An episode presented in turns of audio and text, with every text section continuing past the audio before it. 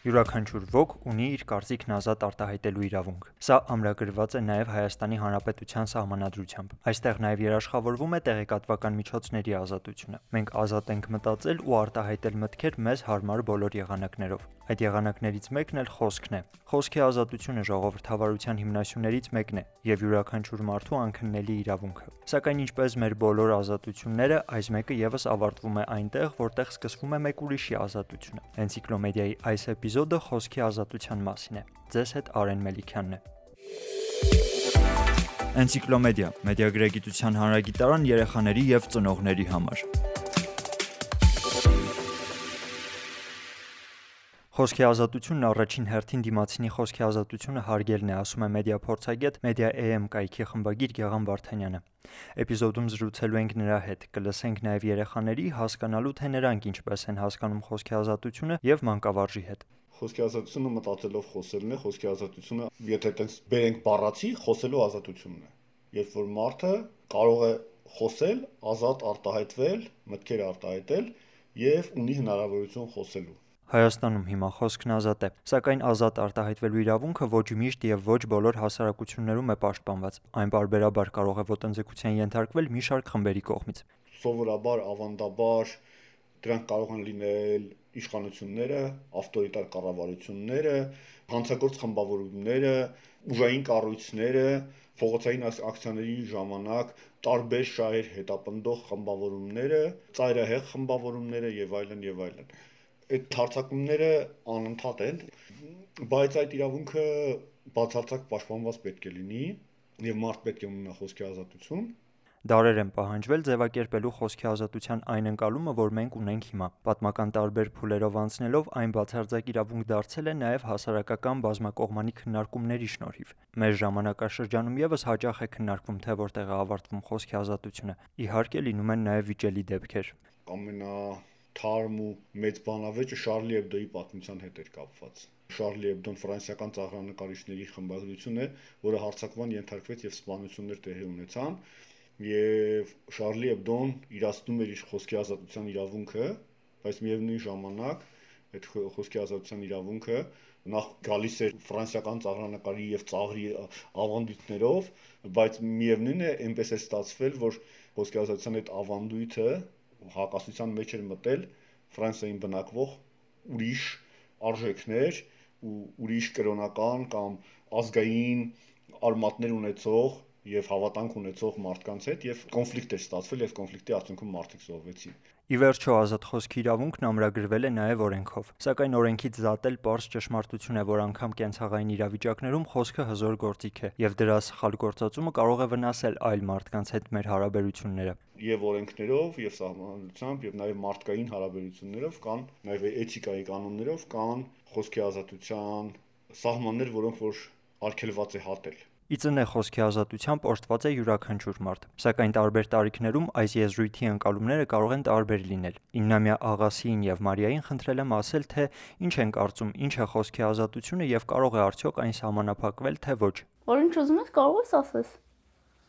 Խոսքի ազատություն, ինչ բառ ուզում ես, կարող ես ասես։ Լավ բառեր։ Ասեմ, երբ չլինի խոսքի ազատություն, եւ ոդ բառեր ասես Եվ օրինակ մի մարդ ուզում է մի բան ասի, բայց հասկանում է, որ այդ բանը ոնց որ այդ բանը չպետք է ասի։ Իմ կարծիքով խոսքի ազատությունը դա նշանակում է առանց մտածել խոսել։ Այդ ունակությունը գալիս է 5 5 տարեկանից։ 5 տարեկանում երեխաները չեն գիտակցում, թե ինչ են խոսում։ Իսկ արդեն 10 տարեկանից նրանք կարողանում են մտածելով խոսել։ Իմ կարծիքով ամեն ինչ ամեն ինչ ասելը չի նշանակում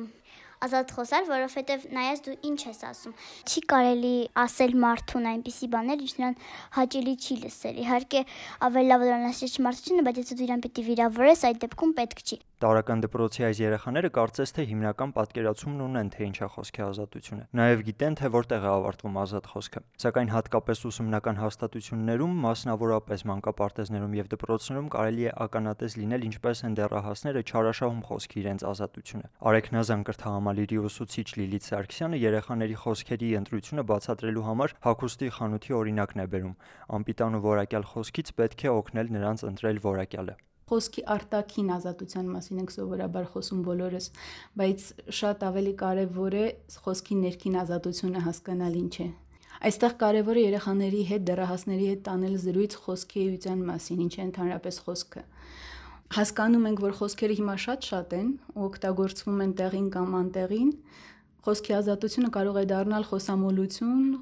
շատ սահմանը շատ հեղեղուկ է այնտեղ։ Եվ խնդիրը երեխային բացատրել, ճանաչել խոսքը, որpիսի նա խոսքի հետևում կանգնած խորքային էությունը ճանաչի։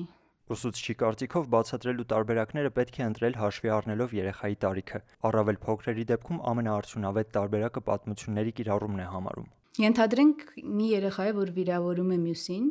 ու պետք է իրեն բացատրել, որ դա չպետք է անել։ Ասեմ ձեզ, որ երբ իրենց հետ ինտելեկտուալ զրույց սկսենք վարել ու բացատրենք, որ բալիկ ջան դա այդպես չի կարելի անել,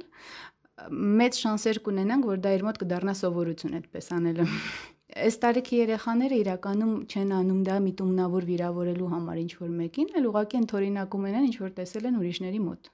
Փոքրերի դեպքում խնդիրը նրանում է, որ իրենց պատմությունների ձևով, տարբեր կերպարների ձևով ներկայացվի, թե ինչ պետք է անել եւ ոչ թե ասել, թե ինչ պիտի չարվի։ Լիլիթը հիշատակեց երեխաների կողմից տեսած օրինակի կրկնությունը։ Որպես կանոն այդ օրինակը վերցնում են ընտանիքի անդամներից։ Այսինքն ծնողն ինքն առաջինը պիտի օրինակ հանդիսանա երեխայի համար իր արտահայտ չմիջոցներն ընտրելիս։ Ծնողը ինչ բարեր էլ ընտրի, ինչ գեղեցիկ եւ հիմնավոր ձևով փորձի ներկայացնել երեխային, թե ինչու պետք չի օգտագործել այս կամ այն բարերը, այս կամ այն արտահայտությունը, երեխան դա չի ընկալի այնքան ժամանակ, մինչեւ չտեսնի այդ բարերի հետևում կանգնած ծնողին, որ ինքը այդ ապրելակերպի կրողն է։ Եթե մարդը ծնողը այս պահին բարոյական այնպիսի արժեքների կրող է, որը բացառում է հեգնական կամ արհամարական կամ վիրավորական վերաբերմունք այլ մարդու նկատմամբ։ Երեխան ինչ էլ լսի, մեկ անգամ լսեց, երկու անգամ լսեց, ինքը իր ապրելակերպում ուրիշ բան է լսում ու տեսնում, ինքը դա չի ընդօրինակի ու սովորություն չի դառնա։ Հարկավոր է տարբերակել ազատ խոսքն ատելության խոսքից։ Վերջինը սկսվում է այնտեղ, ուր խոսքի ազատությունը հատում է սահմանը։ Մարդը ազատություն ունի խոսելու, բայց երբ որ իր խոսացածը իր գաղափարները տարածում են մարդակյացություն, բռնություն, ֆաշիզմ, այդ դեպքերում խոսքի ազատությունը կարող է վնասել